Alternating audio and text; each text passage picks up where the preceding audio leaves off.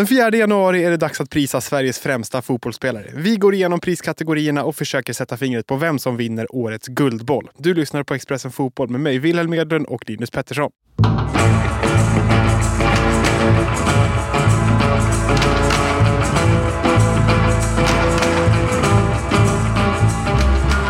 Linus, det är snart slut på det här fotbollsåret. I måndags när vi stod här och snackade så snackade vi om hur mycket man värdesätter ett år när man pratar fotboll 2023. Hur mycket värdesätter man ett år när man pratar fotboll?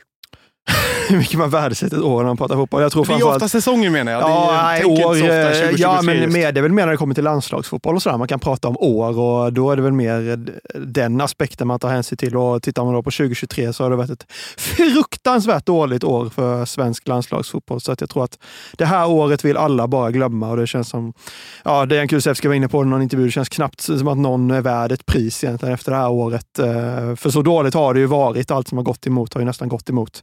Så att eh, ur den aspekten eh, är 2023 bara att glömma. Om man kollar på de spelar, spelarpriser som ska delas ut så är det Årets målvakt, Årets back, Årets mittfältare, Årets forward och Guldbollen. Vad, vilka är det som får det här priset? Ska vi försöka reda ut det till att börja med? Är det de, Svenska är det fotbollsspelare. Är, är det klubblagsprestationer eller är det landslagsprestationer? Eller vad är det man ska göra för att ligga bra till? Nej, men det är väl en kombination av båda. Eh, jag, eh, utan att ha någon, något form av belägg för det så kan jag, är väl känslan då på något sätt att landslagsprestationer ställs lite högre i, eh, i liksom motiveringen. Eh, det tycker jag är i alla fall så man har kunnat tolka det tillbaka. Sett. Vi minns till exempel att Andreas Granqvist fick Guldbollen för något år sedan. Och det var ju mycket för hans prestation i landslaget och sådär. Så att, eh, känslan är väl att, att liksom landslagsprestationer står lite högre i kurs. Men det är ju det är ju lite förbundskaptener som är med i juryn med att eh, A-landslaget U21 sådär och det är lite eh, även folk från Svensk Elitfotboll med, med Allsvenskan Superettan där och även lite journalister med. Så det är ett ganska brett spektra på just de här kategorierna då, som du var inne på, årets målvakt, eh, back, mittfältare och forward. Och så lite andra då, en annan typ av jury för Guldbollen, men det kommer vi väl in på senare. Så att det är väl en kombination av vad man har gjort under året helt enkelt, som vägs in om vi hoppar rakt in i det då. Årets målvakt. Vem håller du som årets målvakt? Jag blev ju varse lite för sent i förberedelserna av det här avsnittet om att det faktiskt fanns nomineringar. Jag satt ju och gick igenom varenda svensk målvakt tänkte jag säga. Så, så mycket var det inte. Men eh, när jag skrev upp tre namn som jag tyckte skulle vara intressanta och det var ju just de tre som är nominerade också. Victor Johansson, Rotherham, Robin Olsen, Aston Villa, Leopold Wahlstedt, Blackburn Rovers. Mm, och ska egentligen betona liksom att det är svenska spelare här så att en sån som till exempel Håkon Valdemarsson som var ett extremt bra i allsvenskan finns då inte med i det här. Liksom. Han fick ju pris för, för allsvenskans bästa målvakt väl, Precis till så. exempel. Så att han fick nöja sig med det. Men här, eh, ja, det är ju ingen mördande konkurrens på målvaktspositionerna egentligen. Robin Olsen är väl är ju mitt val. Han har ju knappt spelat på, på klubblagsnivå egentligen. Men faktiskt varit en av få spelare som har varit eh, bra i landslaget. Eh, alltid bra i landslaget egentligen, vilket är otroligt faktiskt med tanke på hur lite han spelar till vardags. Eh, Victor Johansson är ute bra i Rotherham. Eh, Leopold Wahlstedt är den tredje nominerade. har precis kommit till Blackburn, egentligen inte hunnit sätta några större avtryck där. Men i en rätt svag konkurrens så är Olsen mitt val och han lär ju, har ju varit landslagsetta och var, lär vara det också när ny förbundskapten kom in. Ett motargument att Robin Olsen inte spelar i sitt klubblag Aston Villa speciellt ofta. Hur mycket ska man väga in det? Jag menar, Ja, men då hade, vi behövt, ha, då hade vi behövt ha en målvakt. Alltså det finns ju ingen annan målvakt där ute som, som spelar i eh, ett högt klubblag, eller ett, ett så pass bra klubblag att det väger upp, tycker jag. Eh, hade vi haft en målvakt eh, på en hög nivå i någon av de största ligorna i Europa som hade spelat kontinuerligt i sitt klubblag, då hade jag absolut kunnat argumentera för att han skulle haft priset med tanke på Robin Olsens eh, minimala speltid. Men vi har ju inte det riktigt eh, och då tycker jag att eh, Robin Olsen är värd priset. Jörgensen i Villarreal, som är svensk men har valt det danska landslaget. då är han utesluten för det här Det är straffet för att ha valt bort svenska ja, landslaget. Det kan, kan, man kanske ta, eller? Att man inte prisas på svenska fotbollsskalan. Det kan man ta. Det kan man ta. Nej, men om man kollar, det är ju Victor Johansson, Robin Olsen och Kristoffer eh, Nordfeldt som har varit genomgående de, de liksom målvakterna i landslaget och där är ju Olsen eh, given ett och då tycker jag som sagt han ska ha det här priset. Här, om man kollar på den här listan så är ju Leopold Wahlstedt den enda av de nominerade på, i alla kategorier som inte är ordinarie i en landslagstrupp. Mm. Och eh, min spontana känsla är väl att det är det är ett minne blott, det, det faktumet. För att han kommer väl att peta Nordfeldt. Det vore extremt konstigt om, eh, om han inte gör det. Eh, det känns som att Nordfeldt har ju, vi vet ju allihopa att han har svajat en del i AIK under den allsvenska säsongen. Börjar komma till åren och det vore väldigt konstigt om den nya förbundskaptenen inte väljer att plocka in en ny eh, målvakt där bakom. Och Leopold Wahlstedt är ju absolut en tänkbar kandidat. Om man bara ska plocka en målvakt till som kanske ur liksom klubblagsaspekten skulle kunna tryckas in på sån här lista så är det väl kanske eh, Dalin i, i Malmö eh, i så fall. Eh, SM-guldvinnarna Malmö, så där, där Dahlin har varit eh, fantastiskt bra. Eh, han är väl den målvakt man ur den aspekten skulle kunna tänka sig motivera in på sån här lista. Men då är det väl snarare att han tar sig in på en nomineringsplats och inte hotar Robin Olsen? Nej, absolut. Exakt så. Om vi blickar fram lite snabbt bara då. Robin Olsen, hur länge tror du han kommer vara första valet i landslaget? Är han gjuten nu även kommande år? Ja, han har ju varit lite tveksam kring om han skulle fortsätta eller inte. Ehm, dels kontra till familjesituationen och sådär med att man är iväg rätt mycket. Men eh, de, både han och Emil Forsberg lämnade ju besked här eh, på den sista samlingen att de har snackat ihop sig och bestämt sig för att fortsätta eh, lira vidare i landslaget. Och jag ser ingen anledning till att den nya förbundskaptenen inte kommer vilja ta ut Robin Olsson med tanke på hur bra han har varit och hur viktig han är i den här gruppen som ledare och så vidare. Så jag tror att Robin Olsson kommer vara landslagets första målvakt i eh, ja, men ett par år till i alla fall. Såvida det inte kommer upp någon ny målvakt som gör något helt fantastiskt bra och får något enormt genombrott och på det här sättet kan konkurrera sig förbi. Men jag ser inte riktigt det på under de här eh, ett, två, tre åren som kommer kanske. Om vi tittar lite längre framåt i banan på årets backar. De nominerade är Isak Hien, Hellas Verona, Victor Nilsson Lindelöf, Manchester United och Carl Starf Starfelt, Celta Vigo hade problem med uttalet på starten. Ja, det är otroligt. Det är internationellt och svårt. ja, verkligen. Han har varit i Celtic, kan få skylla på dialekten ja, där borta. det är sant. Vad, vad vill du ha in här då, om vi börjar med det? Jag tycker att Karl Starfelt ska få priset. Mm. Och där eh, baserar jag det på att Manchester United och Victor Nilsson Lindelöf inte har gått speciellt bra. Han har inte varit ordinarie i det laget. Lite Robin Olsen-grejen, att han startar i landslaget. Han är med i landslaget och gör det väl ändå hyfsat där får man säga. Men eh, där faller det på klubblagsspelet vill jag hävda. Karl Starfelt å andra sidan kommer till La Liga, går in, presterar, blir en av lagkaptenerna i det laget. Han har ju bevisat här att han eh, är att räkna med. Ja, jag håller helt med. Jag tycker Starfelt ska få det här priset, men eh, rent generellt tycker jag det är ganska svag motivering. Spontant då vill man nästan säga, har vi inga, har vi inga bättre försvarare? Ja, men det och så ofta letar man... man runt lite och kollar. Nej, det finns faktiskt inte så mycket bättre alternativ att välja på i de som har varit med i landslaget under året. Det är typ om man eh, skulle få för sig att slänga in en sån som Johan Larsson eller Niklas Hult i Elfsborg som har varit extremt bra i allsvenskan under det här året. Men eh, nej, jag, jag tycker det är svagt och jag tycker att precis som du är inne på, att Victor Nilsson Lindelöf har gjort en, en, en, svag säsong i, i, Manchester United och även, även i landslaget. Han har inte lett han är lagkapten för det svenska landslaget. Han får ta rätt mycket av den här smällen som i det här svaga året som har varit. Så att, nej, jag tycker han är borträknad för det här priset. Isak Hien inte riktigt där än, tycker jag inte. Uh, då är faktiskt Karl Starfelt uh, eh, också eh, valet för mig. Uh, bra i Celtic, storflytt till Spanien, blev en av tre lagkaptener där. Eh, på väg in i landslaget också, allt mer. Så att i en svag konkurrens så blir han mitt val också. Det är eh, på något sätt symptomatiskt för vart svenska landslaget är när man motiverar genom att säga vem som har varit minst mm. dålig snarare än vem som har varit bäst. Men det har ju också varit en, en diskussion inom svensk fotboll att vi får fram sämre backar, sämre försvarsspelare. Vissa menar ju på konstgräset är en förklaring till det, att det inte blir mycket när, lika mycket närkamper och, och, den typen av träningsspel och det kan säkert ligga något i det. det har ju varit, eh, Sverige har varit känt länge för att få fram bra försvarsspelare spelare. Det har ju varit lite vårt signum. Den typen av fotbollsspel. Eh, men eh, nu är det svagt faktiskt. Eh, Eh, en sån som Gustav Lagerbielke eh, fick ju pris som årets eh, försvarare i allsvenskan. Väl, ja, hade väl nah, inte riktigt tillräckligt bra för att tryckas in på en sån här lista. Annars vet jag inte. Det finns inte så mycket konkurrens bakom. Jag tänker Emil Holm, han kanske inte har varit på den nivån. Gabriel Gudmundsson, jag vet inte. Jag bara kastar ut namn. Ja, nej, det finns inte så mycket. Emil Holm, absolut. Men han har också varit för ja, mycket skadad och inte riktigt sådär mm, genomgående bra under det här året på något sätt. Eh, Gabriel Gudmundsson, nej, jag vet inte. Nej, jag tycker inte det. Knappt. Eh, lite ut och in landslaget också ju. Så att, eh, nej, det här, var en, det här var en svag kategori faktiskt. Eh, det blir inte, den som vinner det här kan inte, inte skatta sig speciellt nöjd kanske, men eh, ja, någon ska vinna. Jag tycker Karl Starfelt ska ta det, men tror du att Karl Starfelt kommer ta det? Alltså, eh, det givna är ju att säga Victor Nilsson Lindelöf bara för att han spelar att Ja, men han är lagkapten i landslaget, han spelar i Manchester United, han är liksom det stora namnet. Han är vår, på pappret, bästa försvarsspelare, alltså den som spelar i den bästa, största klubben och den som har den mest bärande rollen i landslaget. Eh, Så att det är väl inte helt omöjligt att han kommer få det ändå på något sätt. Han har fått det de två senaste åren i alla fall, tror jag. Så att, men eh, prestationsmässigt tycker jag inte att han borde få det. Eh, Det är väl där vi landar någonstans. På mittfältet även där tre stycken nominerade spelare. Emil Forsberg, RB Leipzig eller New York Red Bulls nu då. Dejan Kulusevski, Tottenham Hotspur och Hugo Larsson, Eintracht Frankfurt. Hur tänker du här?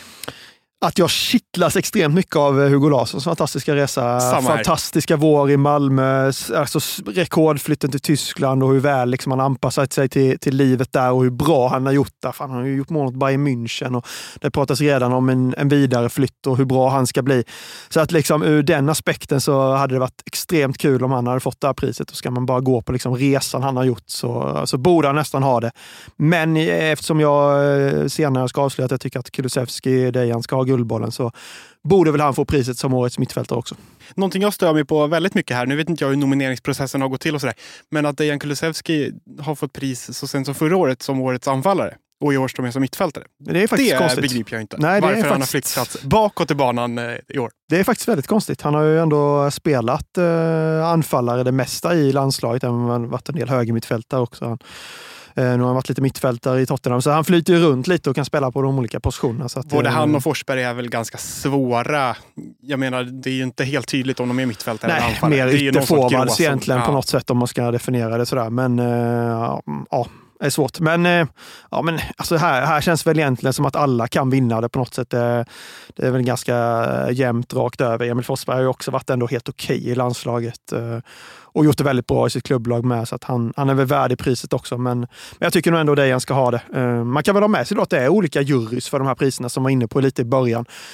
Så det kan ju faktiskt bli att en spelare får årets mittfält och en annan vinner Guldbollen till exempel. Det beror på lite hur de olika juryerna tänker. Ponera då att Emil Forsberg och Kulusevski inte hade räknats som mittfältare. Vilka hade kunnat knackat på dörren till att bli nominerade här? Jag tänker Janska just kanske. Jag ska just kanske dock tycker jag varit för lite, för lite för svag de chanserna han har fått i landslaget. Eh, Jag vet inte om en sån som Samuel Gustafsson kanske skulle Han kunna har ju vara varit med en där. favorit också hos eh, en av jurymedlemmarna i alla fall, Jan Andersson. Ja, precis. Och ändå eh, varit liksom bärande i Häcken. Även fast de inte haft någon supersäsong sådär, så skulle väl han kunna, kunna vara med där på något sätt. Ehm, vad har vi mer? Albin Ekdal, han är inte aktuell. Nej, det är han ju tyvärr inte. Mattias Svanberg.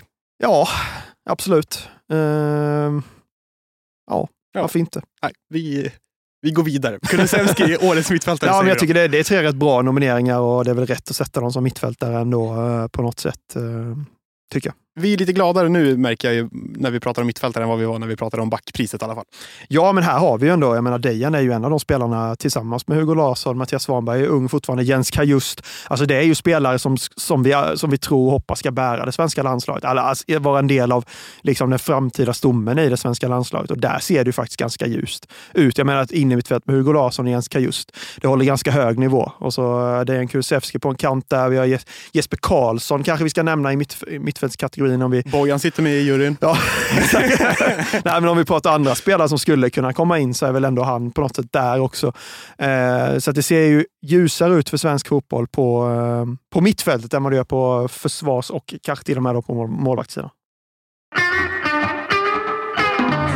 Och på årets forward är de nominerade Viktor Claesson, FC Köpenhamn, Viktor Gyökeres, Sporting Lissabon och Alexander Isak, Newcastle United. Ja, Viktor Claes. Ja, det är otroligt att han har lyckats tryckas in i den här nomineringen, vill jag, för, vill jag ha sagt en början. Eh, hans, hans prestationer ska absolut inte underskattas på något sätt. Han har gjort det bra, både landslaget och FCK, där han väl är lagkapten och så, sådär. Men Berätta vem som Men ska att vara där han istället. Då. är en av tre årets forwards, det är på något sätt, jag vet inte. Jag vet inte vad jag tycker om det här riktigt. Jag, Det som är konstigt med han och eh, Kulusevski är att man skulle kunna byta nomineringsplats på de två utan att någon skulle reagera. Båda Ja. är mittfältare, båda är anfallare. Ja, jag kan väl tycka då kanske att Dejan skulle varit nominerad som årets forward eh, och sen att man kanske skulle tagit någon annan som årets mittfältare. Mm. Kanske eh, inte att för att förringa absolut vad Viktor Claesson gör, men eh, jag tycker väl inte han ska med på en, eh, en, en liksom topp tre forwards i Sverige. Det, det tycker jag väl inte. Om det var självklart att Robin Olsen är den av de tre nominerade som kommer att prisas som årets målvakt så är det ju här ganska klart att Viktor Claesson är de, den av de här tre som inte kommer att prisas som jag årets målvakt. Jag tror inte att han kommer få pris som årets målvakt. Tyvärr. För hans egen del tror jag inte att han kommer få det. Och det är ju inte för att han själv har gjort det dåligt utan för att de andra två nominerade har varit väldigt, väldigt bra i år. Ja, så är det.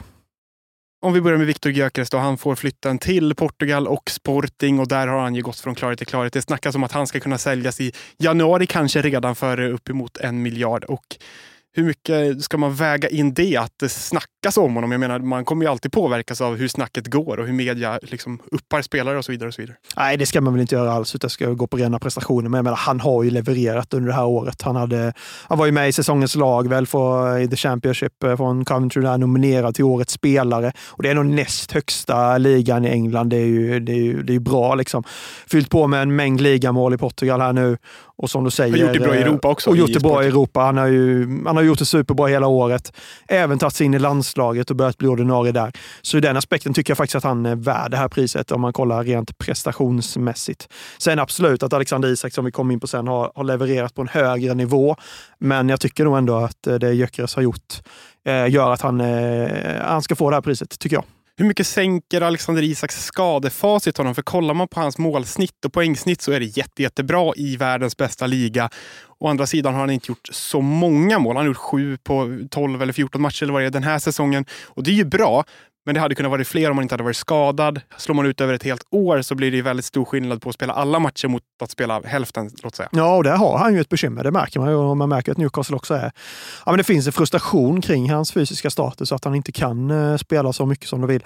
Men det, det som jag tycker med, talar liksom för, mot Alexander Isak i den här eh, omröstningen, jag tror att han kommer få priset. Alltså, det lär ju landa där till slut. Men jag är mer inne på att Gyökeres är värd det. Alexander Isak har ju haft extremt tufft i landslaget och vi var inne lite på att Victor Nilsson Lindelöf eh, inte leder landslaget som den lagkapten han är. Alexander Isak ska ju vara vår landslagets största offensiva stjärna och han har gjort ett mål på två år eller vad det är. Eh, och det tycker jag ju eh, tar ner hans liksom, betyg i, i det här priset. att han borde kunna leverera och kliva fram och sätta mycket större avtryck i landslaget än vad han gjort. Om du bara fick välja en anfallare att ha med i landslaget, hade du valt Viktor Gyökeres eller Alexander Isak? Du tänker längre alltså fram, framåt? Liksom. Ja, men låt säga att du bara får, om det är match imorgon låt säga och att Alexander Isak hade varit hel och sådär. Vem av dem hade du valt? Nej, Alexander valt, Isak har ju inte Alexander presterat Isak. på den nivån. Nej, men jag hade, valt, jag hade valt honom ändå. Jag tycker att han är, han är bättre här och nu. Eh, och skulle vi spela en landskamp imorgon och jag hade varit förbundskapten så hade jag absolut satt eh, Alexander Isak på topp. Eh, jag tror eh, det har, alltså, att han inte har lyckats i landslaget har nog en del, inte bara med att göra hans egna prestationer utan också hur landslaget har spelat under de här senaste åren. Att det är uppenbart att han inte riktigt har passat in i det. Och, jag menar, man gör inte så mycket mål i världens kanske bästa liga och sen, sen eh, misslyckas så stort som man har gjort i landslaget utan någon anledning. Alltså det, är ju, det finns ju någonting där och det har nog inte bara att göra med hans egna prestationer, hans egna inställning till det, utan det är nog spelsättet också. Så att, eh, jag hade valt Alexander Isak idag, men, men återigen tycker jag Viktor Gyökeres är värd priset. Jag tycker han borde få det med tanke på den fantastiska år han har haft, även, då, även om det är på en lägre nivå än vad där Alexander Isak har levererat. Kollar man på spelformationer i landslaget så har vi spelat med två anfallare nu. Men det snackas om att man ska gå liksom 4-3-3 är ju ett, eh, ett spelsystem som många liksom framhäver och tycker att vi ska spela. Men hur gör man då med anfallarna?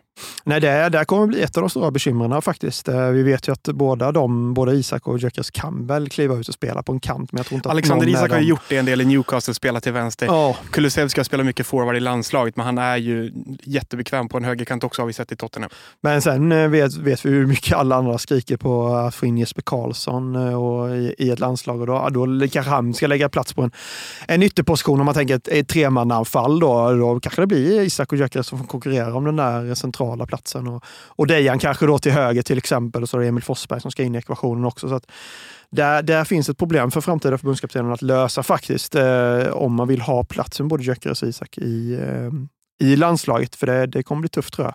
Eh, och, och, trycker man in båda två så blir en sån som Jesper Karlsson till exempel lidande. Eh, återigen, precis som han har varit under de senaste landslagsperioderna. Anthony Elanga har gått från Manchester United till Nottingham Forest och blivit ordinarie. Han har producerat poäng, han har gjort mål och så vidare. Och så vidare. Han är inte ens nominerad någonstans. Nej, men det, det är en sån spelare som kanske hade också kunnat vara med eh, istället. Då för Årets Victor- ytterback, årets back, Anthony Elanga. Spelar lite wingback i Eh, Nottingham. Nej, men som sagt, är- jag ställer mig lite tveksam. Jag, jag gillar Viktor Claesson och uppskattar honom som spelare och allt han har gjort och sådär, men jag ställer mig lite tveksam till att han är nominerad. En sån som Elanga skulle absolut kunna vara där istället, eh, eller Jesper Karlsson. Eller, ja, det finns väl säkert några, några spelare till som hade kunnat tryckas in istället. FC Köpenhamn spelar förvisso i Champions League, men kollar man på klubbadresserna på de spelarna som är nominerade så är det ju FC Köpenhamn och sen de två målvakterna i eh, Championship. Som sänker, hur mycket borde det sänka Claesson? Jag menar att han inte spelar på en tillräckligt hög, i en tillräckligt hög liga. Ja, men det är klart att det borde göra. Vi ser ju till exempel ingen eh, nominerad från allsvenskan till exempel. Inte för att kanske någon nödvändigtvis håller den nivån att man borde vara nominerad, men, men det är klart att det, det sänker ju lite eh, vilken klubbadress du har. Även om Hugo Larsson har gjort ett halvår i allsvenskan ska sägas till, till det här. Men, eh, men det är klart att det borde sänka och han har ju inte heller varit ordinarie i landslaget eh, på något sätt. Han har, han har gjort en del inhopp, en del bra prestationer och någon start också såklart. Men eh, Eh, kanske med för, för gammal. För liksom så här, tack, tack för god tjänstgöring på något sätt. Eh, utan att återigen förringa vad han har gjort. Om vi tittar på svensk fotbolls finaste pris till en herrfotbollsspelare så får man väl ändå säga att det är Guldbollen. Där är det någon som ska prisas som den främsta svenska fotbollsspelaren i år. Mm. Vad, det här har vi en annan jury, det var du inne på lite, men det är inte samma personer som utser det här priset som utser de här årets back och så vidare. och så vidare. Nej, det är lite samma kategori av människor är det, men det är lite färre. Nu är det väl, om jag förstått det, som det har varit tidigare i alla fall, har det varit tre från eh, Svenska fotbollsbundet, det har varit ordförande, generalsekreterare och Ja, Jan Andersson satt ju med som förbundskapten där några år. Sen valde han att hoppa av för att han inte var bekväm med den här typen av individuella priser. Då var det Stefan Pettersson, eh, typ av landslagschef, där som klev in istället. Eh, och, och sen då utöver de tre så har det varit tre eh, journalister eh, anställda på, på, på Aftonbladet som du då delar ut det här priset tillsammans med Svenska, Svenska fotbollsbundet. Och jag antar att det är lik, liknande i år. Jag har inte hört något annat i alla fall. Eh, det har ju varit lite kontroversiellt det här priset genom åren just med tanke på att Jan Andersson som förbundskapten har suttit med. Vi minns ju det att eh, Hassan Settinkaj, agenten, var ute och svingade när Granqvist fick det. Eh, 2017 var det va? För bland annat då Emil Forsberg, då Settinkaj klient. Så det har varit lite känsligt. Jag tror det var därför Janne hoppade av också. Att han inte riktigt var bekväm med att utse den här typen av priser när man sitter som förbundskapten. Det är alltså möjligt här nu att en spelare som exempelvis Kulusevski inte blir årets mittfältare, men vinner Guldbollen och då prisas som den främste alla kategorier så att säga. Exakt, exakt så eftersom det inte riktigt är exakt samma personer som sitter i juryn. Exakt. Vem är eh, din spelare? Vem håller du som Guldbollen-favorit? Nej, men jag tycker nog att Dejan ska ha det. Eh, han vann i fjol, han bör nog faktiskt vinna i år också. Eh, fast han själv då har varit ute och sagt att han inte tycker det känns rätt att ta emot priset efter det här skitåret. Vet du vad som hade varit mäktigt?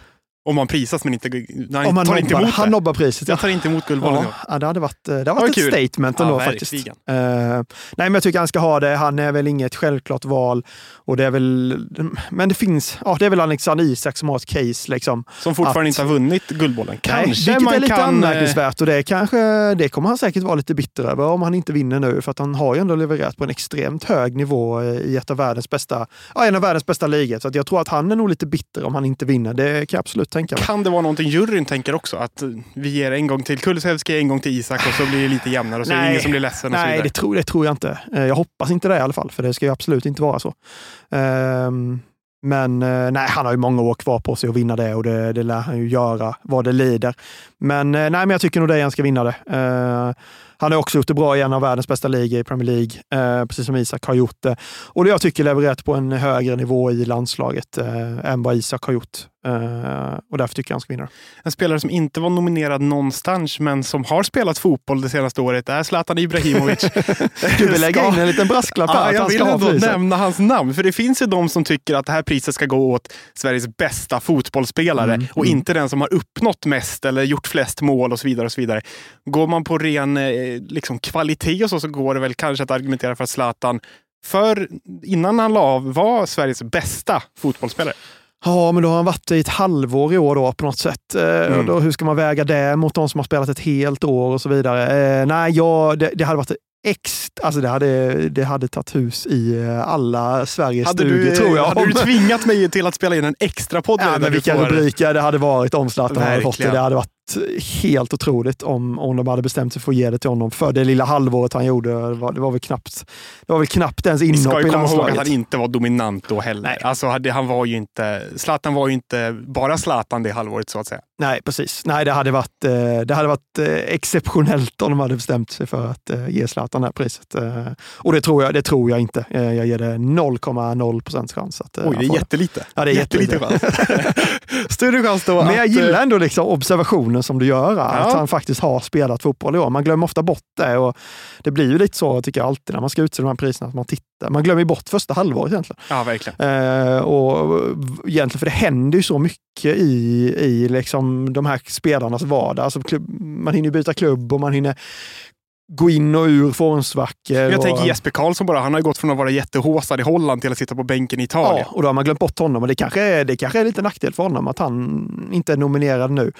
Jag tänker om Ehm, Hugo Larsson hade gjort tvärtom. Det går ju såklart inte att göra tvärtom, att vara bra i Bundesliga och sen komma till allsvenskan.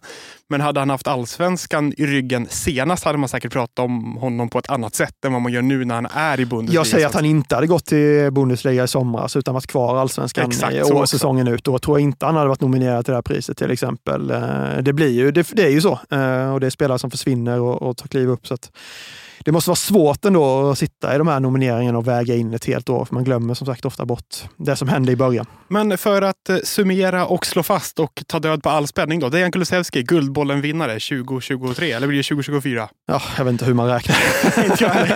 Priset delas i alla fall ut 2023 4 måste det vara. januari 2024. Ja, men det måste vara för 2023 för det är ju prestationen man har Han vinner. Guldbollen för 2023-2024. Sveriges bästa fotbollsspelare 2023-2024. Alltså får Han prisas 2024. för 2023. Ja, vi ska försöka reda ut det här så får vi väl skriva i, avs i, i avsnittsbeskrivningen vad priset faktiskt heter. Vi tackar för att ni har lyssnat och Expressen Fotboll är snart tillbaka.